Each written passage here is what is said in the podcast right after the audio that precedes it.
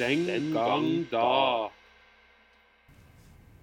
Hei, hei, hei, hei, hei, og velkommen til denne flotte historiske podkasten Den gang da. Mitt navn er Henning Mortensen.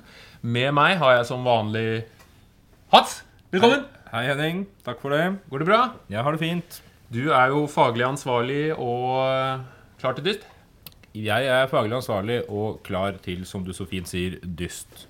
Godt å høre. Ved siden av deg så sitter eh, vår gode kollega og eh, Ja, skal vi kalle ham en venn? Ja, Ja, ja. vi kaller ham en venn. Jørgen Lie, velkommen. Takk. Hyggelig. Jeg stiger stadig i gradene. Yes, Vår temaekspert. Det er jeg. Yes, Og dagens tema, som du er ekspert på, det er jo da eh, fascismen og nazismen i mellomkrigstiden. Vi snakket jo om mellomkrigstiden sist, men rakk vel strengt tatt ikke komme innom det som kanskje mange mest forbinder med, med mellomkrigstiden, nemlig nazismen og fascismens inntog, som selvfølgelig er en viktig årsak da, som leder videre til andre verdenskrig. Eh, så det skal vi snakke litt om i dag. Mange vil jo kanskje bemerke at vi har snevrere og snevrere perioder. Eh, Ettersom vi brukte ca. 30 minutter på å gjennomgå middelalderen. Og Ja, men Det var ikke så mye som skjedde i middelalderen. Nei, var det det? var, jo ikke, det var ikke det. Det var, mye, det var stort sett brunt og ull. Ja. Det var det som skjedde. Men vi kan jo heller komme inn på det i en senere anledning. Kan vi gjøre Det det? er ikke fritt for brunt og ull i fascismen og nazismen heller. Nei, Eh, det skal spesielt sies. ikke det første. Nei. Nei. Så, men de hadde litt flinkere designere. Det var det. Ja. Det var ikke mye kutter. Nei, vi går videre. Vi går videre til da fascismen og nazismen. Da tenkte jeg aller først, da Kan ikke en av dere forklare hva fascismen går ut på? Hvis vi begynner der, da. Fascisme. Det er jo en slags fellesbetegnelse ofte, men trukket gjerne til Italia da i mellomkrigstiden. Og Spania, for den saks skyld. Men nå så helt sånn kort. Hva er fascismen? Ja, vi, kan jo, vi kan jo summere opp eh, i, i kor omtrent etter, etter hverandre. Men det er jo eh, det er et par kjennetegn da, vi kan starte med. Um, eh, eksempel dette antidemokratiske. At man eh, fokuserer tvert imot på at demokratiet har eh, spilt for litt, eller eh, ikke fungerer som en styreform. Man, man søker en sterk leder, da. En diktator, om du vil. En fører, førerdyrkelse. Altså at ikke bare er det en diktator her, men man skal dyrke denne personen som en slags helt. Kanskje med paralleller til ja, det gamle romerske idealet, med en blanding av gud og militær leder og forbilde på mange måter. Det er én ting, i hvert fall. Eh, og så er det jo en kjensgjerning at volden er sentral i fascismen. At om ikke dyrking av vold, så er det i hvert fall en akseptert eh, et akseptert handlingsrom. At vold er en del av styreformen. Ja, Hva, hva er voldens formål da? Den er jo, I fascismen eh, så er det jo å kontrollere massene. Sørge for at folk eh, følger eh, reglene til staten. Og opprettholde statens Ja, opprettholde orden, egentlig. Hele fascismebegrepet kommer jo fra det som kalles ja, Det er jo et faskes, vel. Det er vel det er et symbol, et romersk symbol. Fra på, på makt. Derav fascisme. Nettopp. Sånn at man eh, begynte, begynte jo som med, fascistiske kampgrupper. Fascio di combatimento. Og så Nå er du i, i Italia. Nei, jeg er i Italia. Men, men det er jo grunnlaget for fascismen i Italia tidlig 1900-tall. Eh, men litt mer om selve ideologien, så er det jo også eh, Jeg vet ikke om eh, ja, Åpenbare imperialistiske og nasjonalistiske tendenser. Eh, Ja, fordi her kommer du inn på noe, fordi dere sier det er et slags førerideal, det er slags eh, voldelig opprettholdelse av struktur og ideologi. Men det høres jo ut som Stalins kommunisme. Ja, I motsetning til kommunismen så er den altså nasjonalistisk. Kommunismen er jo en interkontinental eh, ideologi som ideelt sett skal realiseres på kryss av territorialgrenser, mens eh, fascismen og nazismen skal er veldig nært knytta til det historiske og kulturelle fellesskapet i, i et område. F.eks. Italia eller Tyskland. Så det er veldig nasjonalistisk, kan man si da. Altså fokus på hva er det som binder oss sammen i et Ja. land, f.eks. Fordi det er jo en, fordi fra, For det utrente øyet, da, om jeg skal si det sånn, så vil jo Stalins kommunisme ligne litt på Hitlers nazisme eller, eller Mussolinis fascisme. Ja. For det er Og, ja, og mye av grunnen er jo at eh, selv om kommunismen er aldri så eh, flat i strukturen. I teorien så er det jo en diktatorskikkelse som jo ofte blir forbundet med kommunismen i praksis. I Stalin eller Lenin, da. Og kommunismen er jo grunnleggende antinasjonalistisk. Ja. Eh, men Stalin begynte jo å spille på nasjonalisme også under andre verdenskrig. Ja. Men eh, la nå det ligge. Men det er vel den grunnlaget for fellesskapet som dere trekker fram her. Om det er arbeiderklassen eller eh, hva skal jeg si, en slags etnisk tilhørighet. Ja, altså det, det er jo en anti-individualistisk ideologi, fascismen. Den, den legger jo vekt på at, eh, at staten går foran individet. Um, økonomisk korporativisme uh, for å sørge for å kontrollere arbeidermassene og få systemet til å gå rundt. Korporativisme, det må du forklare litt uh, mer inngående. Ja, altså Det handler jo om at man er, det er et kollektiv. da Eh, Vi kan jo bruke mm, jordbruk som et eksempel, f.eks. Eksempel for eksempel. Eh, Man driver ikke gården sin eh, med tanke på sin egen mm, vinning, eller altså mat til meg og min familie. Man driver en gård med tanke på at dette er en del av et svært fellesskap som skal dele godene. Altså at man driver store jordkollektiv, da, f.eks. At uh, man, man har en større tanke om at vi er en del av en svær gruppe mennesker som skal jobbe sammen og få nytte av hverandre.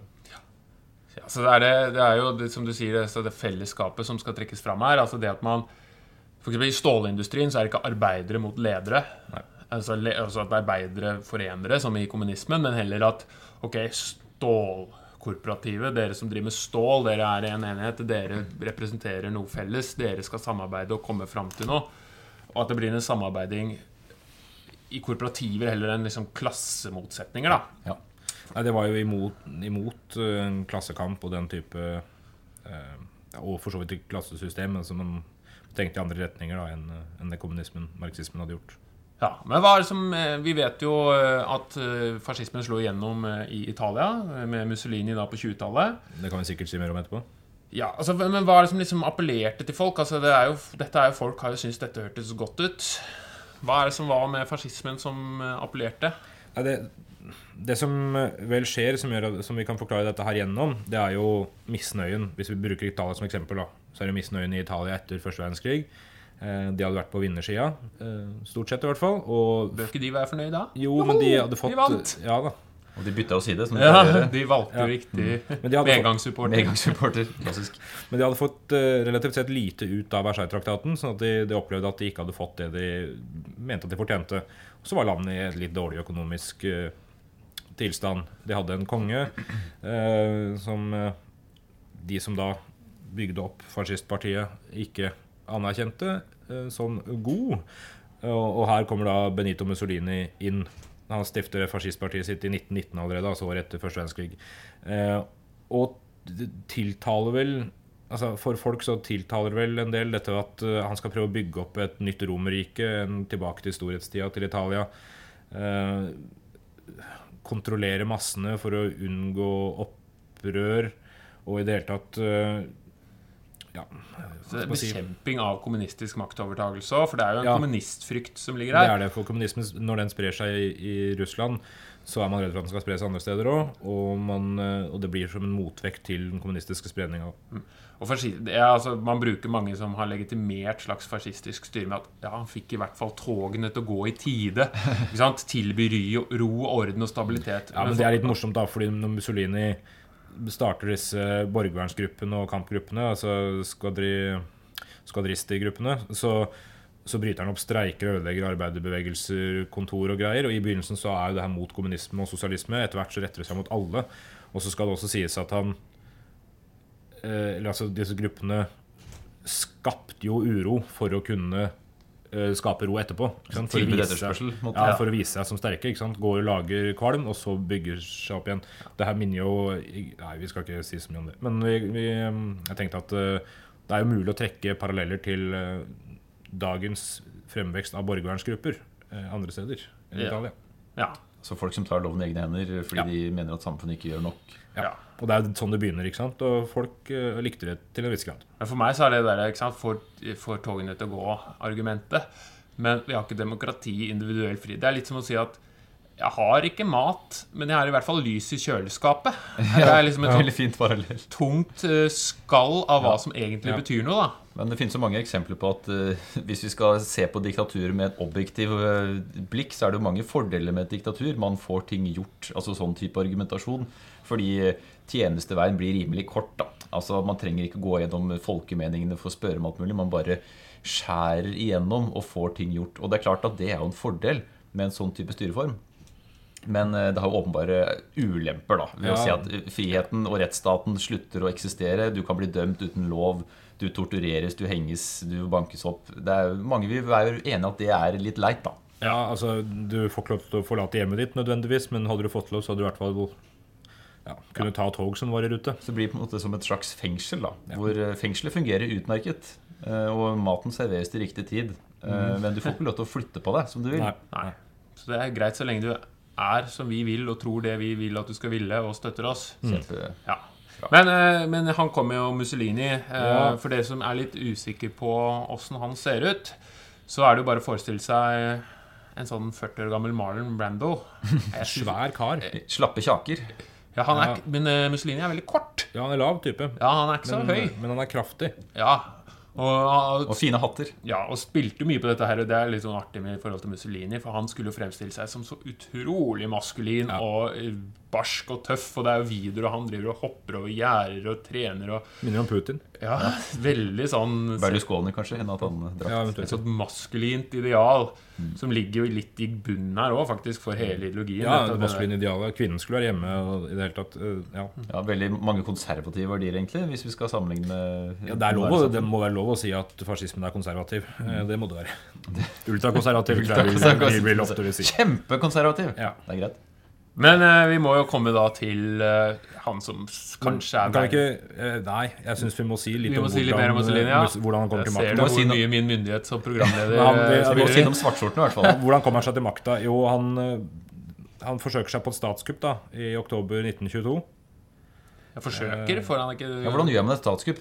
Altså, ringer man på og sier hei? eh, Ja, han du, jeg skulle mars- gjerne gjort et kupp. Han marsjerer mot Roma da, i det som ble kalt betegnende marsjen mot Roma. Eh, kongen eh, tvinges vel til å abdisere, og Mussolini gjør seg selv, eller blir til statsminister. Det høres enkelt ut. Ja da, og så er det noe valg da to år etterpå. Det er, da, det er det valgskredet for fascistene. De vinner jo, så det Ja, og det er jo valgjuks, Eh, og det holder. Ja, og det er så valgjuks. Eh, Og det har jo vært parlamentarisme under eh, kongedømmet, men blir da diktatur som blir innført i 1925. Og det er ikke sånn at det blir innført skjult, det blir, så vidt jeg kan lese, innført i 1925.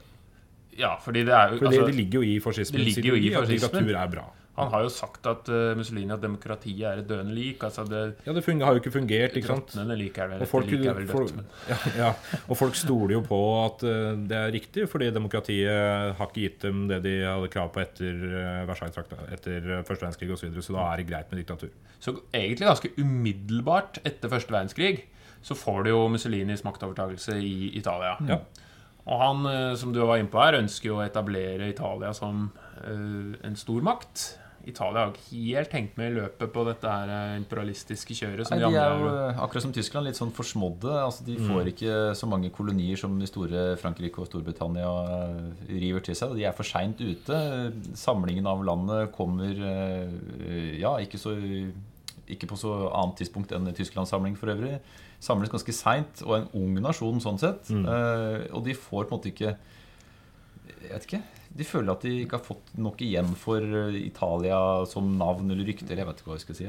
da når de, altså vi, Nå er det litt, eh, hopper litt framover, men i 1935 så invaderer de jo Etiopia. Ja. Og det er jo for å bli en stor altså for å få noen imperialistiske Mm. Eller få noen kolonier, da. Få en del av kaka, rett og slett. Og, og det blei jo fordømt, og Folkeforbundet klarte ikke å gjøre opp noe sånn. Og, men allikevel så De var jo på i Storbritannia og Frankrike og de andre hadde jo mange kolonier, så de var jo ikke var ikke noe bedre de sånn var, sett. nei, de var jo ikke spesielt onde i tiden, sånn sett. Men, eh, men det, det var den der ønsket om å gjenopprette Italia som en stormakt. Ja. Og man så jo helt klart tilbake til Romerriket, og så det var svært. Ja. Det var bra. Kan vi, ikke, kan vi ikke prøve å få noe som ligner? Ja, vi var en gang kraftige og store og mektige. Kan vi ikke bli det igjen, da? Altså, og den, og den der, At man ser tilbake i tid, den finner man jo masse eksempler på i den perioden her. At man ser tilbake, og alt var mye bedre før. Og det er en grei overgang til det du Ja, fordi da må vi jo snakke om Takk skal du Ah. ha, Hans. Takk for at jeg får lov til å Lederprogrammet. lede programmet. Vi går litt videre da. Fordi det vi må snakke om, er jo som sagt, eller som jeg har holdt på å begynne å si, han som er, kanskje er verdens mest kjente historiske person. Hitler. Det er ikke mange vil jeg tro, som ikke har hørt om Hitler og har en slags indre bilde av hvem han var. Og Hitler og nazismen er jo den tyske versjonen av fascisme, da. Så da er det jo måte kanskje aktuelt å spørre hva er forskjellen mellom fascisme og nazisme? Så hvis vi tar likhetene først, da, så, så snakker vi om den tyske nasjonalsosialismen, altså nazismen i forkortelse, eh, har jo den samme grunnholdninga om, eh, om en sterk leder, diktatur, ekstrem nasjonalisme, eh, imperialisme, men har i enda større grad og korporativisme osv., men har i enda større grad enn fascismen en sosialdarwinistisk eh, holdning, og ikke minst en antisemittisme. eh, De vil vi forklare. som ja, en altså, ja, et ekstremt jødehatt. da, Ideologisk jødehatt. Altså at man Eh, mener at enkelte raser, menneskeraser, er mer verdt enn andre. Ja, Og da hvem er mest verdt for tyskerne? Det er den hvite mannen, mann, er selvfølgelig. den, ja, ikke, ja, og den tyske. Først og fremst det tyske blodet. Uh, Flaks da at det var dem selv som var best. flaks. ja, det er heldig med den. Uh, og det, altså, alt kan hvis vi sier at alt kan forklares ut ifra ideen om at det tyske folk er det rette herrefolk, så, så kan man jo si at det er grunn til imperialismen, fordi de har eh, da rett på å ha et større område enn dem sjøl, enn andre har. De har eh, Vi kan forklare det, eller altså også sosialdarwinismen og antisemittismen der, fordi de er mer verdt enn andre folkeslag, og da har de rett til å legge dem under seg. Eller kvitte seg med Det det. ligner litt på sånn The White Man's Burden som uh, for så vidt britene opererte etter. eh, Under imperialismen, man, At man har rett til å styre over de mindreverdige det, er noen, det er ikke noen ukjent tanke også utenfor Tyskland. Ja, for det er jo viktig at er rasismen var jo utbredt. Ja. Men det som er når du leser håper å si, nazistisk propaganda om Mein Kampf, eller hva det skulle være, så Nazismen er så Altså, den er så ekstrem, hva skal jeg si? Den er, og den er så De har en sånn kvasivitenskapelig fremtoning av rasegenet, og det er fra, fra mitt perspektiv, da i dag helt hinsides hva som skal Altså kategorisering av mennesker og blodets renhet og rasehygiene og Altså, det er en rasisme som Hva skal jeg si? En ekstrem rasisme. Og så er det også en rasisme som går utover alle støvleskaft, også i alle tem tematiske områder. Altså du Ja, det, det, vi kan jo godt eh, altså vi, vi kan jo eksemplifisere det med nettopp rasepolitikken deres, som er det du sier jo som mest kjennetegnende med, med nazismen. Og det er jo den inndelinga f.eks. med jødene. da, at du, du, du, Det som du sier, pseudovitenskapelig forsøk på, på å forklare blodsammensetninger hos eh, folkegruppene. Hvor det kan være enten heljøde eller halvjøde, såkalt misling. Altså avhengig av hvor, i hvor stor grad du er jøde ut ifra familietilhørighet og sånn, så, eh, så har du forskjellige rettigheter innafor lovverket. eh, Spesielt gjennom den Nürnberg-lovene. Eh, Og de Nürnberg-lovene er, det er, hårreisende lesestoff. Eh, Etter at de ble innført i er det 1934, så Eh, Så 36 jeg, Noen må finne ut av det. Jeg husker ikke helt. Så, så kommer en bølge med flere sånne lover som begrenser den jødiske befolkningas eh, handlingsfrihet i, i Tyskland. Og sensur av jødiske tidsskrifter. Og så blir det forbudt med en hel del ting som for oss bare høres helt sinnssykt ut. Eh, jødene får f.eks. ikke beskrive tysk landskap. De får ikke lov til å bruke ordet blond. Eh, Verken skriftlig eller muntlig. da. Du Eh, får ikke lov til å bruke det. Nei, fordi det kan være et kodeord for nasjonalsosialist, og da er de redd for at jødene skal bruke det nedsettende. De får forbud mot å framføre verker av ariske komponister. Så de skal kun spille jødisk musikk. får ikke lov til å spille arisk musikk. Wagner, altså. Eh, Musikere som hadde spilt Bach og Beethoven, altså måtte nå måtte spille liksom østeuropeisk kretsmurmusikk og sånn. Eh, Kanskje Chopin. ja, kanskje. Eh, Det var eh, forbudt for dem, og det her er jo det beste. Det er forbudt eller en annen ting først, det er forbudt for dem å bruke tyske farger. De må utelukkende holde seg til jødiske farger. Tyske farger, de tyske flaggfargene. da. Eh, De har også, og det her er kronen på verket, ikke lov til å ha bursdag på fødselsdagen til Hitler. Det er ikke lov til å ha bursdag. Nei. Nei. 20. april er ikke lov til å ha bursdag 20. april, for det er fødselsdagen til det, det kan man jo skjønne. Ja. Det det og dette her er jo Det, det, er, det er altså Det er jo helt hinsides. det er, det er helt hinsides det, for oss. det er Heldigvis, da. Ja, det er fantastisk lesning. Altså, jeg kan bare følge på der hans eh, Altså, dette er jo en del av et, eh, en sånn indoktrinering av en hel befolkning. Altså at man, man, man skaper et fiendebilde og forsøker å distansere seg fra en hel folkegruppe for å enklere kunne, kunne, kunne påvirke hva man skal gjøre med dem. Og en annen, et annet eksempel på det da, er at barn, lettpåvirkelige barn, fikk jo antijødisk litteratur som barn. Altså Den onde jøden, altså eventyrfortellinger der jøden var den slemme. altså Som vi hadde troll, så hadde de jøder.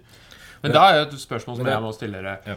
Hvorfor jødene? Hvorfor Ja, var de så Det, det her er litt eh, det er, det er jo fint å presisere det her, for det er også greit å si at dette her ikke nødvendigvis handler om jødedommen som religion, men egentlig jødene som etnisk eh, gruppe. Eh, altså det som man i Bibelen kaller israelitter. Da? Og de som har, fordi altså, Jødene har jo da levd mer eller mindre eh, enten eh, i jødiske fellesskap eller bare blanda i forskjellige europeiske land eh, fra ja, fra romerne overtok eh, År 70. ja, i Jerusalem, ikke sant, og greier. Eh, og, og har blitt eh, altså Antisemittismen er ikke ny da i Tyskland i mellomkrigstida. for å si det sånn. Den, er, eh, den har eksistert i Europa i mange hundre år, tusen år omtrent. og og jødene fikk skylda for svartedauden, for å ha forgifta drikkevann. og Det er ikke måte på. sånn at eh, Jødene er jo takknemlig bytte, hvis man skal se på det på den måten. Og da kan man eh, det, blir egentlig ikke noe det er, ikke noe formildende omstendighet for nazistenes politikk hvis du sier at det ikke bare handler om ideologi, men også om eh, realpolitikk, da, pragmatikk. Hvis de allikevel trengte å kvitte seg med folk for å få plass til en voksende tysk befolkning, for det var jo også en greie. De trengte plass til tyskerne fordi nazistene elska formering eh, og tysk blod og greier. Og, og da var jødene en gruppe som allerede var utsatt, så da var det greit å ta dem vekk. Og da, og da blir det nesten en sånn ja, Det blir nesten verre enn hvis det hadde vært ren ideologi, for det blir en tanke om at eh, vi kan like å ta dem.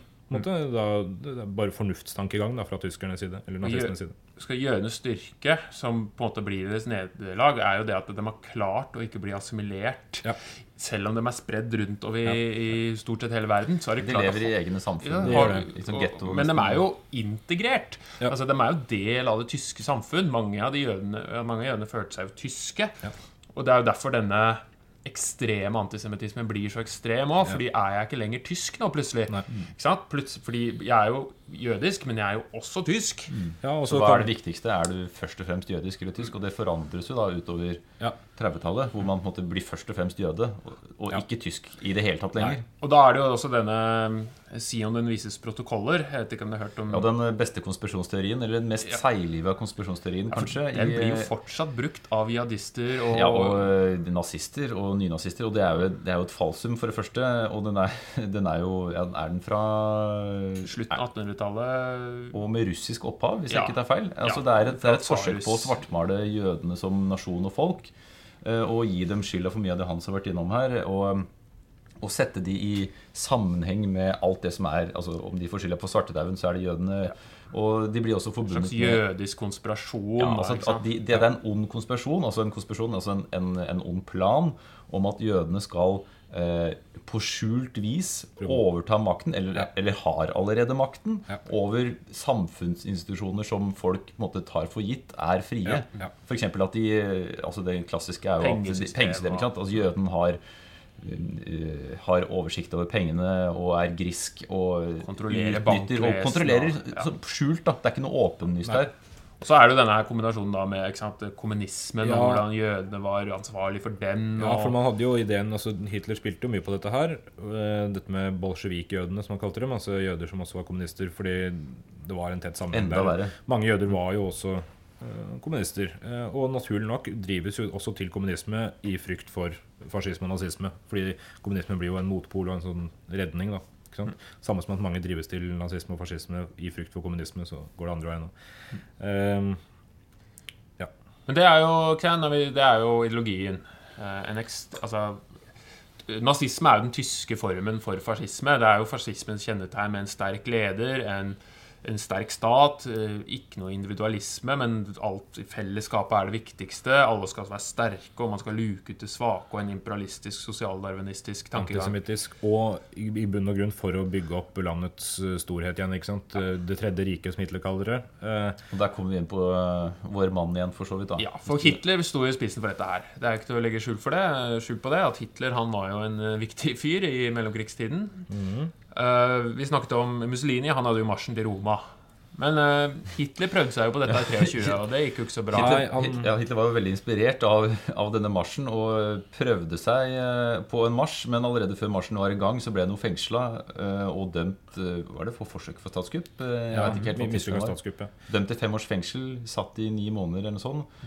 Og i løpet av de ni månedene så skrev han om Mein Kampf. Ja, og det var et ganske behagelig fengselsopphold, for han hadde jo mektige støttespillere. Hadde med seg sekretær, blant annet, som hjalp ham å skrive Mein Kampf. Ja, Rudolf Hess han var jo med og Allerede der er Rudolf Hess. Og Hitler eh, sier jo allerede der hva som er planen hans. Altså Man kan si historisk etterpåklokskap. Ja, men, ja, men det sto jo i Mein Kampf at han skulle overta verden og ødelegge jødene og få Lebensraum. Altså Han ville at Tyskland skulle bli en stor og mektig nasjon, akkurat som Mussolini ville at Italia skulle på kartet igjen. Og så Eh, og så, så finner man mange av de eh, tankene som han senere satt ut i livet, da, eh, med jødespørsmålet, f.eks. Og det er klart, etterpåklokskapsmessig, hvis det går å si, så kan man selvfølgelig si at dette burde man skjønt, men, men samtidig så kan du, man jo tenke seg at, at vi i dag til og med har vanskelig for å forstå hvordan noen kan komme opp med disse ideene her fra et menneskelig perspektiv. Og det er ikke så rart at når man og, og vi vet jo at det faktisk ble gjennomført, og likevel syns vi det er litt vanskelig å sette oss inn i. Så kan man tenke seg hvor vanskelig det var å tro på det da det kom. Ja, og det var ikke akkurat noe bestselger. Nei, det kan man jo Nei, ikke til å begynne med. Nei. Etter hvert så ble det jo... man fikk makten, så Ja, men da har man allerede fått den makten. veldig bra. Men, men, vi- ja, men det finnes så mange mye obskur litteratur som man ikke trenger å ta, um, ta hva skal jeg si, eh, alvorlig før den blir Nei, før det blir nødvendig. ja, det er noe med det. Men eh, Hitler prøvde seg jo på dette mislykkede statskuppet da i 23. Eh, Øl, Ølkjellerkuppet, Ja, eller forsøket. eller ja. forsøket. Men han Men han kom jo ikke, han ble fengsla, som du sa. Men hvordan kom han til makten? Altså, han, vi vet jo at han kom til makten i Tyskland. Ja, altså Først så kan vi jo si at han Bare for å ta litt mer bakgrunn, så var han fra Østerrike, født i 1889. Så vidt jeg husker, samme uka og samme året som Charlie Chaplin. Eh, de hadde en slående likhet når Charlie Chaplin var i rollen som landstrykeren for øvrig. Eh, og ikke minst i filmen. Eh, diktatoren. Men uansett, han var jo med i første verdenskrig. Hitler, altså? Hitler, ikke Charlie Chaplin. Ja. Hitler var med i første verdenskrig eh, og fikk føle på kroppen hvordan eh, Tyskland da ble slått. Og han blei ble tysk statsborger i 1932. Eh, etter det sta- bli formann i Nasjonalsosialistische Deutsche Arbeiderpartei. I, 32. Var det tredje ord? han ble statsborger i 32. Ikke, ikke Han var østerriker. Han var østerriker, jeg sa det i stad. Formann i NSDAP, altså Nasjonalsosialistische Deutsche Arbeiderpartei, fra 1921. Eh, Ja. Sånn at han eh, Det er der han har rulleærene sine fra. Østerrike. ja, han er sine fra Østerrike. Riktig. Eh, Så er det til statskuppet, og etter det så Så bruker han ti år mer eller mindre på å bygge opp eh, eh, et parti. Eh, Og få, altså, han, han har jo helt rett, som han sier sjøl i en del taler, at han klarte å bygge opp et parti fra å være bitte lite til å bli dritstort. eh, Ved å spille på folks kommunismefrykt og demokratihat. Fordi Tyskland eh, gikk jo ikke veldig bra pga. Ja, etter første verdenskrig. Som vi har snakka om tidligere, podcast, så var det dårlig økonomi. Det var eh, en ekstrem arbeidsledighet og inflasjon. eh, Og det var lett å si at dette her er bl.a. fordi de demokratiske formene ikke fungerer. Og de fungerte heller ikke så veldig bra der. Men det er jo fordi det var et veldig ungt demokrati. Jeg kan prøve meg på en, øh, hvis det er greit, Hans, øh, en sånn enkel liste. da. Altså, Nå har du jo nevnt de to viktigste her. Altså, Det er en frykt for kommunismen, og så er det Tyskland som ikke går spesielt bra. Ja. Um, og så er man jo et Tyskland med en slags hevnlyst, da, skal vi si det så enkelt, etter Versailles-traktaten, som gir Tyskland skylda for første verdenskrig. De er jo bitre. Det er bitre her. Altså, Ja, det, det dette er tre viktige ting her. Og så er det en enorm arbeidsledighet, selvfølgelig. Og så er det øh, ikke minst Hitlers evne til å spille på disse tingene gjennom propaganda. Han var jo en agitator av rang. Taler av de Men der, der må jeg bare komme med en innskytelse. Fordi jeg, det, jeg blir jeg håper å si det verste jeg veit. Det er det ikke. Det må være tortur. Å bli torturert er det verste jeg det Men ja. noe som irriterer meg mildt, det er når folk sier at Hitler var en, en god taler. Han var så god taler at han fikk Fordi å si at han er en god taler, det er jo en kvalita eller en normativ påstand. Altså, Jeg syns ikke Hitler, når jeg ser han, han er jo ikke noen god taler. Jeg er totalt uenig med alt han Han sier. er en dyktig formidler, da. Ja, han, han får med seg massene. Det er, det, Ja, det er for de som faktum. ønsker å uh, høre på det han har å si. Men det var jo mange som syns han virka som en spik Ja, spenna han jo gæren gaulebjørn. Det, det, og det er litt viktig, da, fordi han, han klarte jo ikke å vinne, vinne valget på de eh, måtene demokratisk sett som han hadde krevd for å bli rikskansler. Det, det er jo gjennom et ganske dyktig politisk spill der han eh, gjør seg sjøl til leder av en koal- koalisjon osv., fordi andre partier var sterkere enn det nazipartiet var, men han blir til slutt da klarer å bli valgt til rikskansler i 1933. Og, og han, han manøvrerer seg, som du sier, da, frem i politikken. Og det er jo greit å vite at han blir lovlig valgt, Ja. men så utnytter han jo til fulle den posisjonen han er i ferd med å tilrive seg. da. For Tyskland var da et parlamentarisk eh, demokrati. Han Et svakt demokrati, eh, kan man jo si. ja, men han blir valgt sånn som Erna Solberg. ikke sant? Valgt fordi Uten noen sammenligning for øvrig. Ja, uten noen å Nei, nei. Ja. Men han blir jo bare en vanlig statsminister. eh, eller rikskansler, da. Ja. Da i 33. Men så ja. Fordi han får jo støtte på ja, Riksdagen, altså Stortinget, for å si det sånn. Og så sånn. får han ikke Han får ikke rent flertall, Nei. som han jo selvfølgelig hadde håpa på sjøl. Men som han sa, en koalisjon da, med de borgerlige. Og så skriver han ut nyvalg etter denne første valgseieren, eh, hvor han da eh, spiller på kommunismefrykten. Og så skjer det jo da selvfølgelig det som taler til hans fordel, det er jo da riksdagsbygningens brann. Yes. Eh, altså, nei, hva heter? Ja, riktig navn, er det ikke det? Brann i Riksdagsbygget. Ja. Og da uh, antagelig De strides jo om hvem som hadde skylda, men han spiller jo selvfølgelig da dette kortet fullt ut og sier at dette er kommunismens uh, fare, her må vi gjøre noe. Og så går da de borgerlige med på å gi Hitler en slags diktatorfullmakt.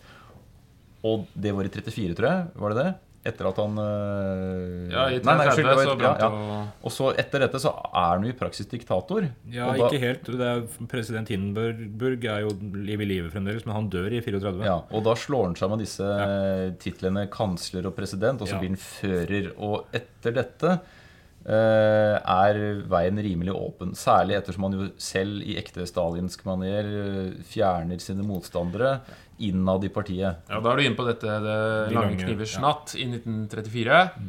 Som er jo en, et par netter hvor, men, som blir kalt Lange knivers natt, hvor Hitler og, eller Hans får noen da, til å drepe ikke politiske motstandere nødvendigvis, men folk som på en måte vet litt for mye, er litt for mektige. Blant annet av Ernst Røhm, som er leder for SA. Og han var etter sigende den eneste som tiltalte Hitler med Adolf, altså hans fornavn. En som Veldig nær, altså. en som på mange måter har forsvunnet litt. Altså, mange vet, vi vet jo om han, men han var jo veldig mektig. Han var leder for SA. Og Stormabteilung. Ja. Altså, ja. helt kort, hva var SA? Ja, altså det er jo, det er jo uh, slåssgjengen, kan Storm- man si. da stormtroppene. Stormtroppene. Altså en slags autoritær uh, gjeng som uh, formynder makten, eller konsoliderer makten, alt ettersom. Altså en ganske brutal gruppe mennesker. Ja, Kan vel, eh, NSDAP det er det politiske partiet til nazistene. Og så er det SA, som da var stormtroppene. ikke sant? Gutta på gulvet som Kan sammenlignes med de fascistiske kampgruppene og skvadristene til, til ja, Som Mussolini. Borgerrettsfolk kan vi også si at de har Og de, de vokste seg jo så mektig under, da, under Ernst Røhm eh, at de, de kunne nærmest utfordre hæren. Altså, de uh, sto jo der uniformerte uh, som en sånn paramilitær eh, gruppe og blei så mektige at eh, Hitler følte at de, de må ha kontroll. Så han, med lange kniver snart, ved å utslette bl.a. Ernst Strøm, eh, på en måte oppløste SA og inkorporerte det inn i SS, som også blir en sånn Schutzstaffel, ja. ja, Men med Hitler på toppen. Hitler. stedet. Det, det, det, toppen, dette her er litt og- eh, betegnende, for vi har kanskje ikke tid til å snakke så mye om det, men det er ganske mye rivninger mellom de forskjellige fraksjonene internt i både partiet og i det som da blir regjeringa. Partiet har sine talsmenn, regjeringa har sine talsmenn. Og, og det er jo en grei forklaring på hvordan, eh, hvordan når, når Hitler først kommer til makta, hvordan systemet fungerer, eller eventuelt ikke fungerer. Fordi I motsetning til f.eks. Norge, der du har en haug med ja, Eller i likhet med Norge, da, hvor du har en haug med direktorater og departementer, eh, så hadde du Hitler, hos Hitler eh, en haug med forskjellige departementer. Eh, Kansellier og råd og kontor og greier. Forskjellen er at alle lederne og omtrent alle personene her svarer direkte til Hitler sjøl, noe som gjør at eh, det blir en maktkamp der er om å gjøre å ha Hitlers gunst til enhver tid. da. Man pissa Hitler opp etter ryggen, noe helt fabelaktig antageligvis. Og Hitler eh, kunne si en ting. En eller annen stakkar i enten propagandaministeri eller eh, arbeidsministeri eller kirkeministeri eller whatever tok dette her for, eh, som en ordre og gjennomførte det. Så mye ble gjennomført fordi man prøvde å, å ja, eh, gjøre det man trodde Hitler ville. da, Og da blir det også mye kamper mellom forskjellige folk her om å ha så mye gunst som mulig hos lederen. Ja, for det er en myte at nazistene var så sinnssykt velorganisert. Ja. Det er jo egentlig et kaos. Men fordelen, da, hvis du skal se det sånn til nazistene, var at eh, alle, For det første er det en veldig klar ideologisk eh, veiledning på hvordan du skal Stort sett. stort sett håndtere ting. Og da Veldig alle- enkle forklaringer på ganske komplekse Ikke sant? Så alle, alle handler slik føreren eh, Eller slik de tror føreren vil at de skal handle. Eller føler. Ikke sant? Så alle handler Uh, ga, mer eller mindre ganske fritt. Ja, Ikke sånn Ryggmargspolitikk, kan vi Ikke sant? det. Ikke sånn byråkrati, og du må fylle ut skjemaer og stå ansvarlig. Men du står ganske fritt så lenge du liksom gjør det du tror Hitler vil at du skal gjøre. Ja. samme ånd. Og sånn sett er det effektivt. Men sånn sett fra et moderne perspektiv i forhold til byråkratisk organisering og struktur, så er det jo ganske kaotisk. Ja, det er jo ikke noe forbilde sånn sett. Men eh, en, en ting som du var innom i stad Jeg handler alltid slik Erna Jeg tror Erna Nei. Ja, ja. ja. jo, altså, i, altså Bare for å fullføre De lange knivers natt. Altså, i det, på det tidspunktet, da, eller eh, i og med at da folk har blitt tatt livet av uten at man har fått noen konsekvenser, så opphører jo rettsstaten. Ja Så da, da her er det ikke noen stat hvor folk har rettigheter lenger. Og da er det jo i, i praksis et diktatur. Hvor man uh, blir straffet for det ikke Hitler føler. Ja, og for å bli straffet for den du er, og da kan vi kanskje trekke inn krystallnatten. Eh, Ja. 9. november 38. eh, Der man eh, Ja, dette her er jo tre år. Jeg skal klare det jeg sa i stad om Nürnberg-lovene. Den kom i 1935. Uh, Og krystallnatta i 38, det er jo en, en eh, vandalismebølge der man eh, ødelegger eh, jødiske hva skal man kalle det, butikker og bosetninger og i det hele tatt for å i de jødiske og områdene lynsjing. lynsjing av, av den jødiske befolkninga. Sånn at også de som da, altså Nürnberg-lovene, sånn som det ble tenkt av de som lagde Nürnberg-lovene, var jo også at, at den skulle gi rettigheter på et eller annet vis til, den, til også den jødiske befolkninga på et eller annet vis. Selv om det er strengt uh, begrensa rettigheter, så skulle man gi rettigheter. Men hvordan det her blir gjennomført gjennom da krystallnatten og videre eutanasiprogram for å rense befolkninga osv., det, det bryter jo egentlig også mot deres eget lovverk. på et eller annet vis. Og det er fordi Hitlers ord går over loven. Det er jo klart. Jeg for å oppsummere litt? For Hitler han forsøker seg med et statskupp i 23. Det går eh, dårlig. Han blir fengsla, skriver Mein Kampf. Eh, kommer ut, finner ut jeg må vinnes, komme til makten på lovlig vis. eh, iverksetter valgkamper og engasjerer og prøver å få med seg folk. Mer eller mindre mislykket ganske lenge, før han da i 33 blir valgt til rikskansler. Han først kommer til makten, så griper han alle muligheter han har, og konsoliderer makten hos seg selv, og blir etter hvert da enehersker og får kontroll over hele Tyskland. Og Han, han lykkes jo med veldig mye, da, rent eh, innenriksmessig. Han, Ja.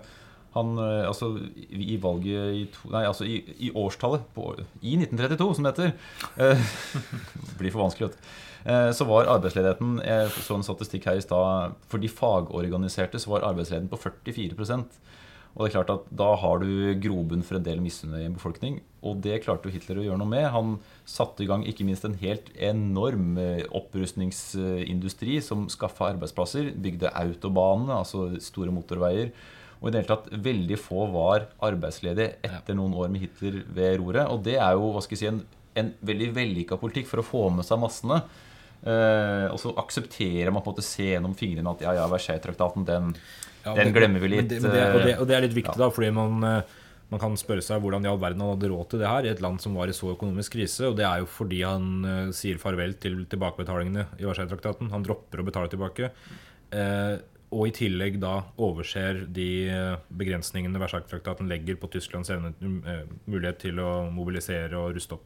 Og så, og så veksla man altså Man handla også en del med andre nasjoner, i hvert fall med, med Sovjet. Der var det jo utveksling av teknologi, blant annet. Ja, og det er overraskende nok altså, så, så har jo Sovjet og Tyskland på den tida her eh, som du sier, diplomatisk og eh, økonomisk samarbeid, og også etter hvert en ikke-angrepsavtale. Men da foregriper jeg nok. Men det er jo ikke sant, som du sier Hitler, og det er jo det mange ikke sant, tenker at han, får, han skaper orden og ro. Eh, om det er bare på bare det lyset i kjøleskapet. Som Ja, da er er vi i fengsel igjen, da. Men, men, men eh, jeg tenkte vi kunne snakke litt om eh, Fordi han ønsket å vise fram dette nye, flotte landet i, eh, i München i 1936. Ja, vi rekker den. Ja, Ja. vi må innom den. Fordi Ja. da er jo dette er jo øh, liksom, Nå skal Hitler og nye Nazi-Tyskland vises for verden. Nå er det liksom vår evne til å flotte parader og se så flott og sterke og utrolig overlegne vi er. Eh, så OL i München, hva, hva har dere noe dere kan si om? Det var Ja, i Berlin, ja. Beklager. München var seinere på 70-tallet. Beklager. Og også bare for å ta det med en gang Det var ikke bare sommer-OL, det var også vinter-OL i Garmisch Partenkirchen det samme året. Så Tyskland skulle jo virkelig vise seg fram her. Imponerende at du fikk. Men det er sånn. Ja. Ja, fordi det, Jesse Owens er jo et kjent eksempel derfra. Mm -hmm. denne svarte amerikaneren som vant disse sprintøvelsene. Han vant vel både 100 meter, 200 meter og 4x4. 4 ganger 100 og 4 lengde. mener jeg. Ja. Så han var jo en Lengde også, ja. ja var, utrolig idrettsmann. Det er ett problem med Jesse Owens for Hitler. for Hitler ja, det er viktig Ja. presisering, eh, og det var jo at han var afroamerikaner. Ja. Og det er jo liksom blitt brukt som et sånt bilde på Hitlers nederlag. Men jeg syns det er viktig å poengtere også at når han vant altså Jesse Owens, den svarte amerikaneren, han vant disse grenene, og det var jo selvfølgelig sikkert ubeleilig for Hitler. Men det er viktig å huske at også i USA på denne tida så kunne ikke Jesse Owens bruke samme doen eh, som de hvite Nei. idrettsutøverne. Nei. Eh, Roosevelt nektet å ta imot uh, Jesse Owens uh, og gratulere ham for seierne. Fordi han ville ikke på en måte støte noen som ikke likte svarte folk, fordi det var en valgkampanje. Og det, så, så det er viktig å si at rasismen Vi skal ikke rosemale på en måte Hitlers uh, motstandere. Det er rasismen for oss er kanskje vanskelig å forstå, men den var jo utbredt i stort sett alle de Eksemplifisere det enda, enda tydeligere. Ikke enda tydeligere, det var ikke noe eh, bebreidelse av måten du har eksemplifisert det på, Henning. Jeg beklager hvis det kom sånn fram. Jeg bare sier at uh, også i altså, Det er et godt eksempel på dette her i USA, der mannen som oppfant, eller som kom opp med ideen om eh, det, det har et eller annet å gjøre med blodoverføring. Han oppfant ikke blodoverføringa fordi han er eldre, men eh, noe som muliggjør dette her i større grad. Han, han var afroamerikaner og var i en bilulykke. eh, og døde fordi han havna på et sykehus der de ikke ville behandle svarte. Men han var altså den som hadde Han kunne fått redda livet sitt gjennom sin egen oppfinnelse, men fikk ikke lov fordi han var svart. Ja, Herlig. Eh, rekker vi én fun fact også fra OL? Eller? Eh, Ja da. Ja. Fordi under lengdekonkurransen så eh, altså For det første så hoppa man på grus, eh, ikke sånn tartandekker som man bruker i dag. Men noe av problemet da for lengdehopperne er jo at de må satse på en planke. Og de må treffe planken. Mm. Eh, og det er jo vanskelig å beregne når du løper i full fart og kanskje 30-40 skritt. Eh, og en av hans konkurrenter, en tysker ved navn Lutz Lang, veldig arisk utseende, høy og lys tysker, som, som slet med å finne tilløpet sitt. Og da hjalp Jesse Owens denne tyskeren med å finne altså det riktige steglengden.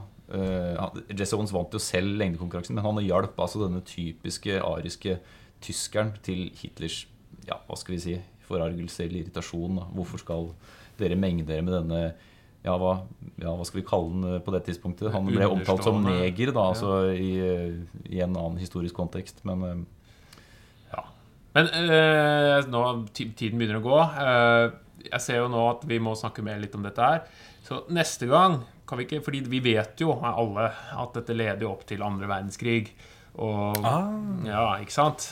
Så nå er jo La oss avslutte med at Hitler har kommet til makten. Han har etablert seg som enehersker og diktator i Tyskland. Og han har begynt å ruste opp og har gitt, begynt å gi ganske beng i Versailles-traktaten. Eh, noe som igjen da blir eh, veldig tydelig når andre verdenskrig bryter ut. Så kan vi ikke si at vi snakker om utbruddet av andre verdenskrig eh, neste gang. Gjerne det. veldig bra. Da må vi avslutte med dagens ord, da, Hans. Da avslutter vi med dagens ord, vet du. Og dagens ord er et lekent lite inuittisk ord. Her er overgangen. Eh, ja, her er overgangen veldig tydelig. La meg, kanskje vi skal, for, for at dette ikke skal bli for brått, så kan jeg si noe imellom her. Og det er eh, Hvis man hører dette her sånn i umiddelbar ettertid av når vi har lagt det ut, så kan jeg bare be folk om å eventuelt prøve å finne oss på Facebook. Eh, fordi vi har ei Facebook-side som Facebook, hva er det? Ja, nettopp. Så en Facebook-side der man kan gå inn og like oss, og også oss, like oss, som heter, og også være med i en litt eh, spretten konkurranse om å komme med den beste historiske funfacten. Vinneren får da en fresk T-skjorte. Den er fresk, fra- den, altså. Den er fresk og bratt og alt på en gang. T-skjorte fra den gang da. Ja. Og så går vi over til ordet som var et inuittisk ord. Og ordet, nå skal jeg, jeg, beklager til eventuelle inuitter som hører på dette, for jeg har ikke peiling på hvordan jeg uttaler det ordet her, men vi prøver. Areo diarekput er ordet, og det betyr å utveksle koner for bare noen få dager. Ja. Ok. Konebytte, altså. Vanskelig å oversette med et, Med ett ord. Vi har, ikke, et ord, ja. vi har ikke et ord for å Jeg koner. har kanskje ikke hatt det samme behovet for det ordet heller. eh. Jeg vet ikke om de har så mye mer Nei. behov for å utveksle Det koner er sånn swingers, da, men det er bare noen timer, er det ikke? Men jeg kjenner faktisk eh, Nå er jeg en polarhistorieidiot, da. Ja. Eh, Men jeg kjenner faktisk eh, noe som kan kobles til dette. Fordi eh, det, det er flere historier om at uh, nordmenn som var på besøk hos inuitter i polare strøk, uh, omtalte at konene til inuitiske menn kunne lånes ut hvis mannen samtykket. Ja. Og det gjorde han ofte hvis man spurte. Ja. Men uh, ja. Fordi Så- det jeg på å si jeg, Du kan jo låne kona mi hvis jeg samtykker, men jeg samtykker ikke. Nettopp. Så, Så det er en, det er en kulturforskjell der, da. ja. Ja. Og de noen ganger gjorde det. Nettopp. Ja. Ja, ja, men da lar vi det være en uh, fin avslutning, og så ses vi neste gang. Det gjør vi. For en god helg, ja, gutter. Ha det bra. God helg. Takk for nå.